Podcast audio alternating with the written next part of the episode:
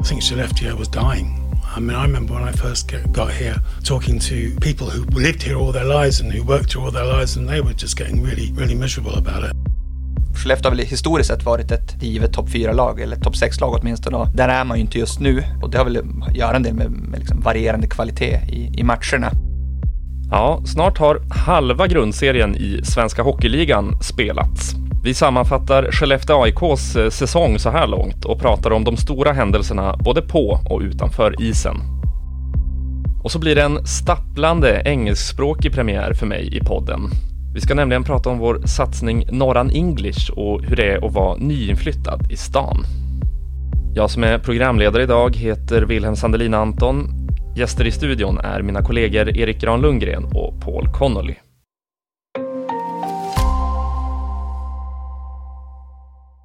Ja, och nu ska vi prata lite hockey här i podden och med mig har jag vår tillförordnade sportchef Erik Gran Lundgren. Hej! Hej!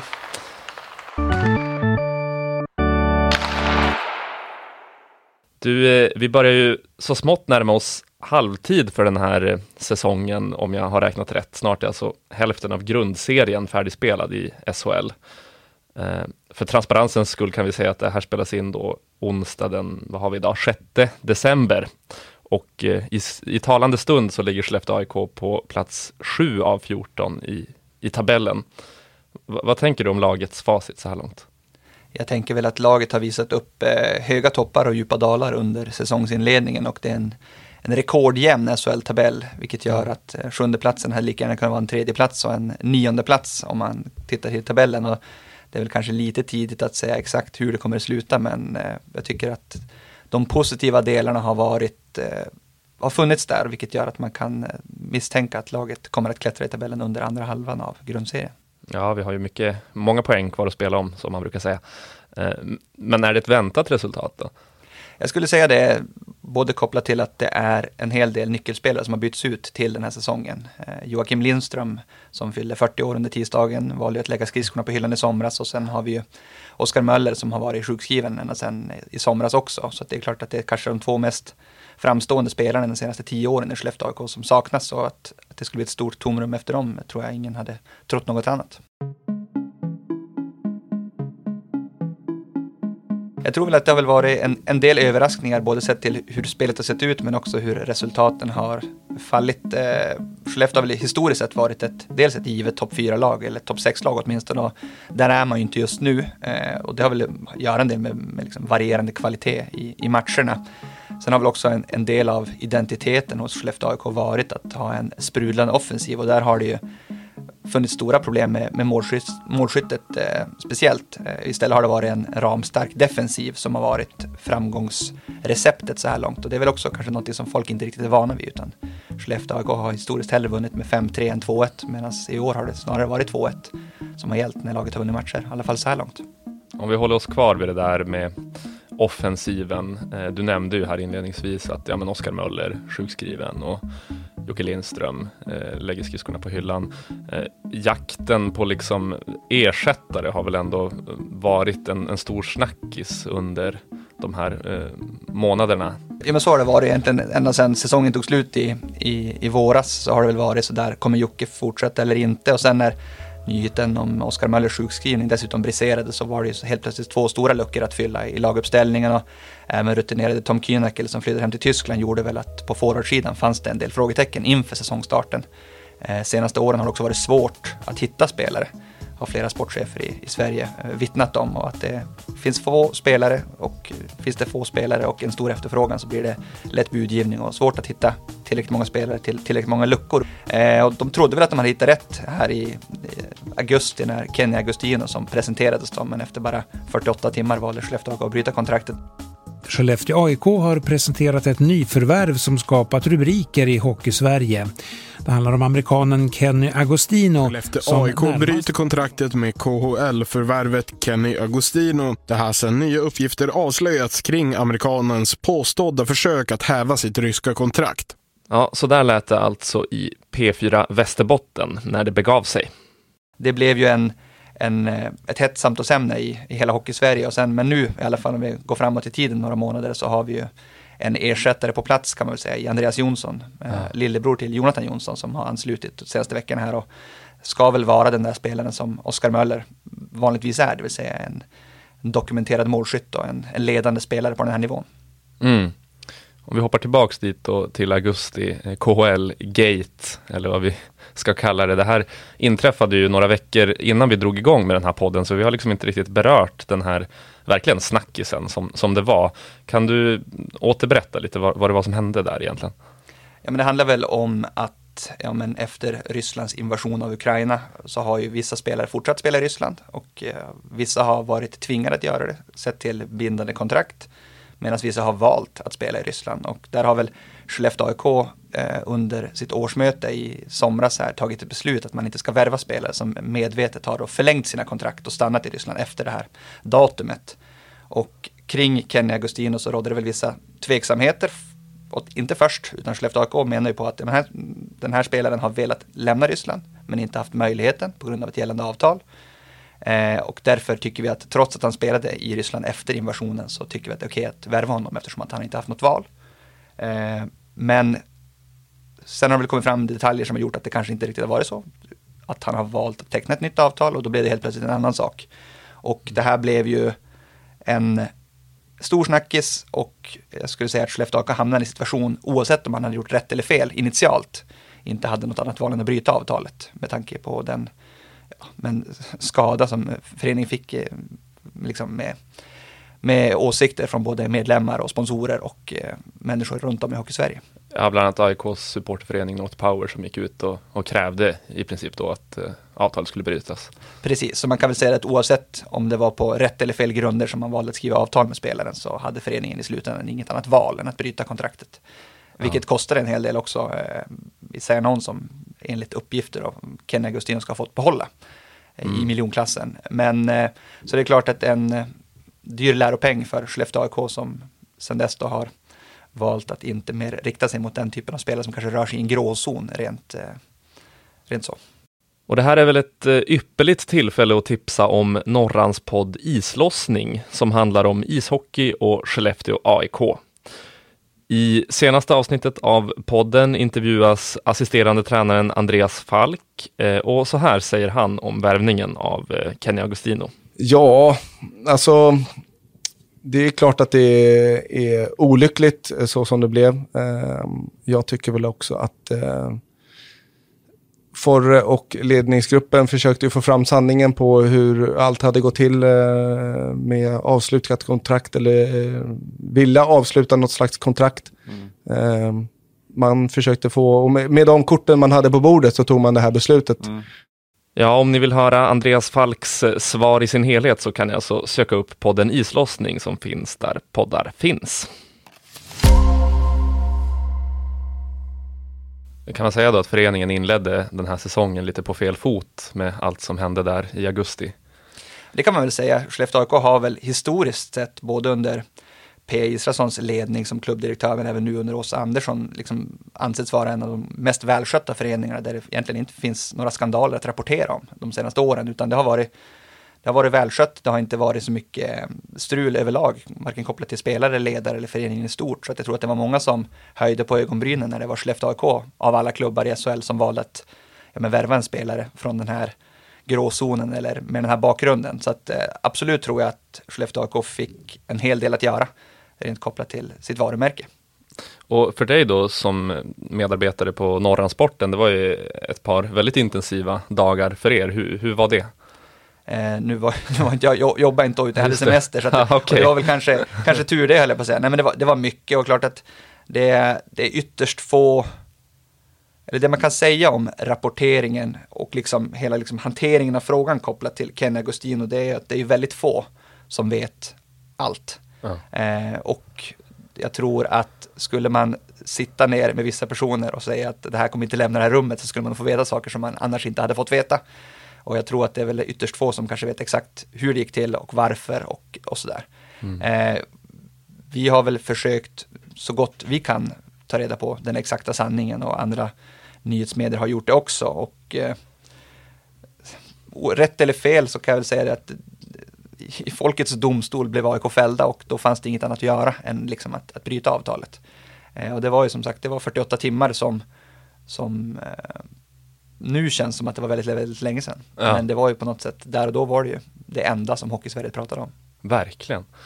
Uh, mitt intryck då från sidlinjen lite grann är ju att den här säsongen har kantats av en del turbulens även utanför isen. Vi har ju till exempel pratat om pyroteknik och, och sådär. Håller du med om det? Jag skulle vilja säga att det är väl kanske hockeysäsongen i stort som har präglats av mycket av den här nya fenomen skulle man kanske kunna säga i hockeysammanhang. Vi har tömda läktare även i Hockeyallsvenskan på grund av pyrotekniska pjäser och, och oroligheter på läktarplats. Och, och, klart att det är någonting som hockeyn har varit förskonad ifrån mer eller mindre fram till de senaste åren. Och det är någonting som förekommer i Skellefteå och förekommer även i andra ishockeyarenor runt om i Sverige. Och det är klart att det är någonting som, som eh, uppmärksammas nu mycket och, och det är också eh, supporternas röster är ju stark med liksom sociala medier och så, så att det finns ju tydliga åsikter om olika restriktioner, tillvägagångssätt och hur man liksom väljer att hantera de situationer som uppstår och jag tror att det är väl något som vi kommer att få se fortsätter. Okej, men om vi hoppar till här och nu, vad är senaste nytt runt eh, Skellefteå AIK? Det handlar väl lite grann om eh, spelare som har varit på frånvarolistan som börjar närma sig spel igen. Vi har ju Jonathan Jonsson storebror till nyförvärvet Andreas Jonsson som närmar sig spel efter sin, efter sin skada och är, börjar vara på is nu, om än med röd tröja, vilket innebär att han inte är tacklingsbar, men han är åtminstone på skridskor. Och detsamma gäller lettländaren Martin Derkals som också han är på is. Eh, så det är väl de två som närmar sig, sen har vi fortsatt eh, Oskar Möller sjukskriven och eh, Gustav Lindvall också som efter sin operation och långa konvalescens är lite grann in och ut i laguppställningen med lite följdskador eller annat som behöver hanteras. Så att det är väl där vi är rent skademässigt. Och sen har vi ju, nu vet jag inte när den här podden släpps, men under torsdagskvällen gästar Rögle på Skellefteå Kraft Arena och mm. på lördag är det hemmamatch mot Malmö Redhawks innan det blir landslagsuppehåll. Eh, inga Skellefteå AIK-spelare som åker dit, men däremot så är det ju SHL-retur i mm. kvartsfinalen mot Färjestad kommande tisdag. Och som du nämnde, det är en eh, jämn tabell och det är sex poäng på spel nu, så att mycket kan ju hända bara innan veckan är slut verkligen. Eh, vad tror du om du eh, ska tillåta det, om vi, om vi ska tillåta oss att, att, spekulera lite grann, sånt är alltid vanskligt, men vad tror du om resten av säsongen? Jag tror att Skellefteå AIK fortsatt kommer ha en stabil defensiv och jag tror att offensiven kommer att bli bättre och bättre ju fler matcher som spelas och jag tror väl att när vi summerar grundserien här i första kvartalet under 2024 så kommer Skellefteå AIK vara ett av eh, grundseriens fyra bästa lag. Mm. Ja, vi får eh, fortsätta följa eh, hockeysäsongen och se hur det går helt enkelt. Eh, tack Erik. Tack.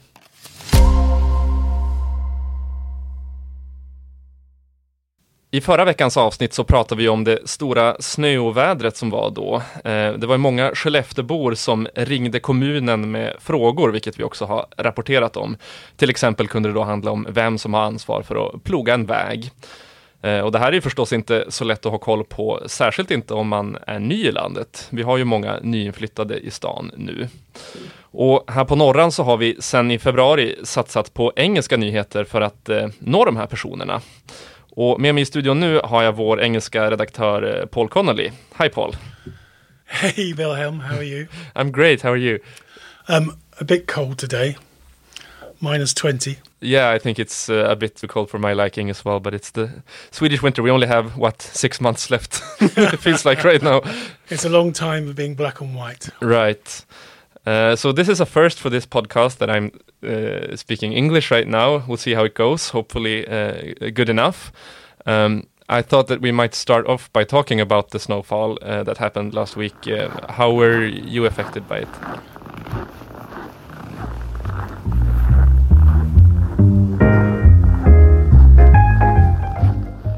Uh, we were blocked in for two and a half days. Um, we live in kind of the middle of nowhere, and um, we found out the drawbacks of living in the middle of nowhere when we had 80 centimetres of snow. Right. But it was okay. We worked from home um, and we prepared. We realised it was going to happen, so we just thought, go with it. And I don't mind it. I quite like dramatic weather. I mean, it's nice to observe from the inside of your cozy home, just like watching the snowfall. Yeah. Uh, uh, I I was sick actually uh, last uh, Monday until Wednesday, so that was just when it happened. So it was a very good like timing by my immune system to shut down those days.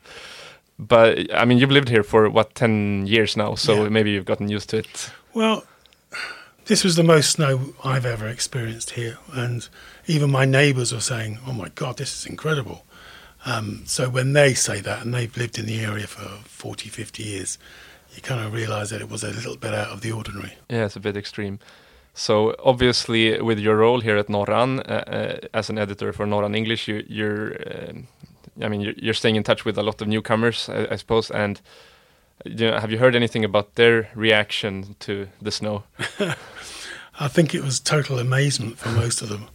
Um, a couple of people I spoke to said they they just didn't know what was happening because it was everything was like it was snowmageddon. So Right. it was- When's it gonna stop? yeah. when's it going to stop? And it barely did. Yeah, I mean, it must be a, quite a strange experience if you if you come from a part of the world where you've maybe maybe you've almost never seen snow, or at least you're not very used to it. So Yeah, I, I think for the first hour or so, most people, a couple of people I spoke to who are from Brazil, said they thought it was magical. But then their opinion shifted as it went on and on and on. the magic wore off. It did. Uh, and I guess that's where Northern English comes in as well, because, uh, like we said, there are many people here who are not used to living here and who are interested in, in knowing what, what's happening in, in this region of, of the world. Uh, so um, let's talk a bit about that. Like, what, what's the purpose of uh, Northern English? Well, the purpose of Noran English is to give people like a shortcut into Skellefteå society.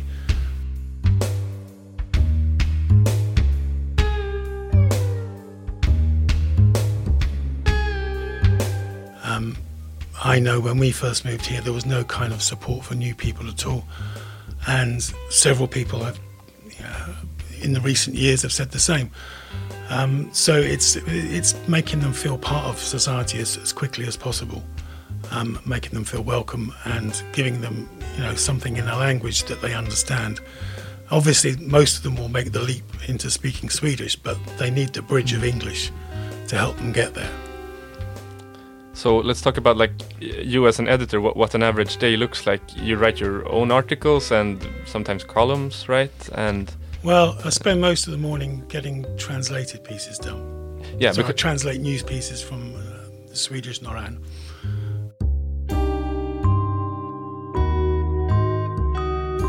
And then for the rest of the day, I try and get out and about and see people and talk to people and write my own pieces. right. So how do you decide what uh, what to translate, for example? Um, it's what would have interested me um, when, when we first moved here. So it's it's things about events, local events. It's things about transport, you know, schools, um, anything that could affect me as a as a newcomer, really. Um, and that's we you know we provide guides about education and healthcare and driving and winter driving, etc. Are there any news stories that are more uh, read or that people seem more interested in? I think it tends to be similar to any other newspaper in as much as human interest tends to people like stories about people that they can identify with. Um, I think they always seem to do well.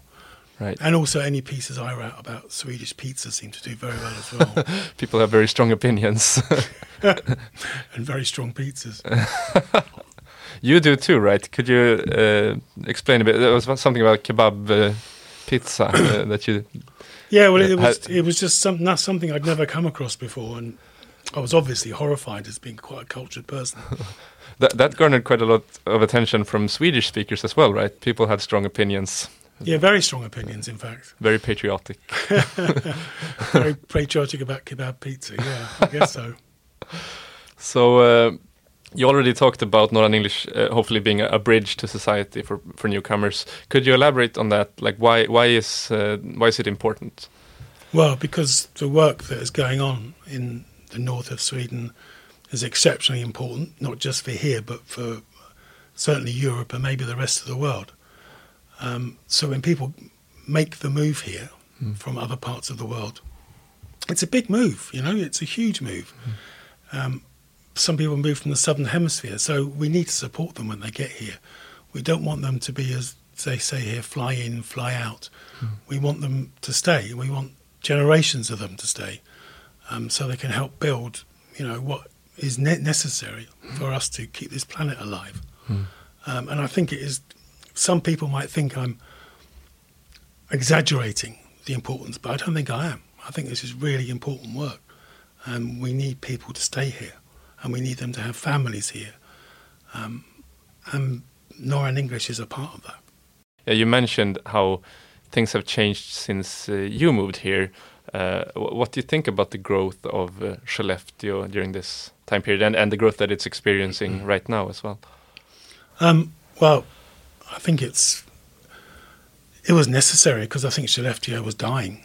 I mean, I remember when I first get, got here, talking to um, people who lived here all their lives and who worked here all their lives, and they were just getting really, really miserable about it, and they were thinking mm, the municipality just says, "Oh well, it's worked okay for the last fifty years. Why why should we change anything?" Um, but they did change things, and all the change, as far as I can see, has been for the good. So you moved to a city that was dying. Wh- Why why do that then? Well, I, I stu- I hinted at that earlier on by saying I lived in the middle of nowhere. yeah, I kind of live on the near the border of Skellefteå and Umeå. right. Um, so we didn't really have, when we moved here, we didn't really have any plan to work in Skellefteå or Umeå. We were always going to work remotely. Hmm. And also we didn't plan to have children, but we did. So our lives changed too. What kind of response have you gotten uh, so far from readers? It's just been really positive. Um, and the things that they want, the other things that we do, um, I think we should probably go into more granular detail. People really want to get under the skin of Swedish society, and they feel sometimes that they can't. So we're going to try and get under the skin of Swedish society.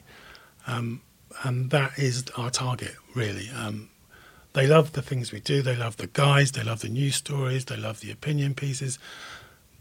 I have the most happy focus group on the planet. um, but we want to go a bit further, and we want to just get get into secret Sweden, if you like. Right. So, uh, do you have some like quintessential tips for becoming a, a proper uh, Skellefteå-bo? Like apart from obviously reading Northern English, that that would be the first step for anyone. Yeah. But but other than that, I think drive as though you're immortal. okay, really. Not not because you're a daredevil, but because the, the concept of time means nothing to you, and that you, you don't have to worry about getting anywhere very quickly. Um, sorry, that was just a bit of a, a jibe, but very slow drivers here. Um, in the winter, get out into nature.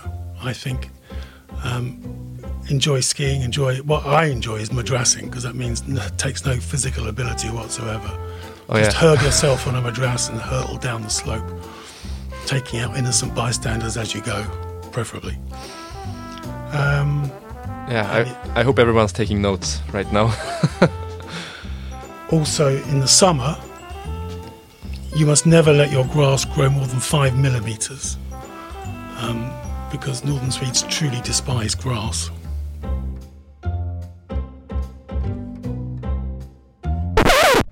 You didn't get the grass joke. Northern Swedes are mental about grass. They hate it. Maybe because you live in town still. yeah, exactly. It's a city dweller. Yeah, city dweller. Wh- what do you mean? If it goes longer than that in the summer, Yeah. they they they mow their lawns once every two days. Yeah, we need to have something to do, enjoying our very long vacations. but I, I, I needed to get it off my chest. You can get rid of it if you like, but I need it. Yeah, go tell them. well, anyway, thanks, Paul, for stopping by, and uh, we look forward to what's next for uh, Norran English. Thanks, Wilhelm.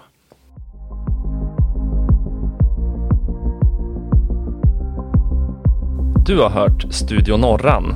Dagens avsnitt gjordes av mig, Wilhelm Sandelina Anton. Ljuden i avsnittet kommer från våra egna inspelningar och Sveriges Radio. Ledmotivet till podden är skrivet av Viktor Lövgren på Fluid.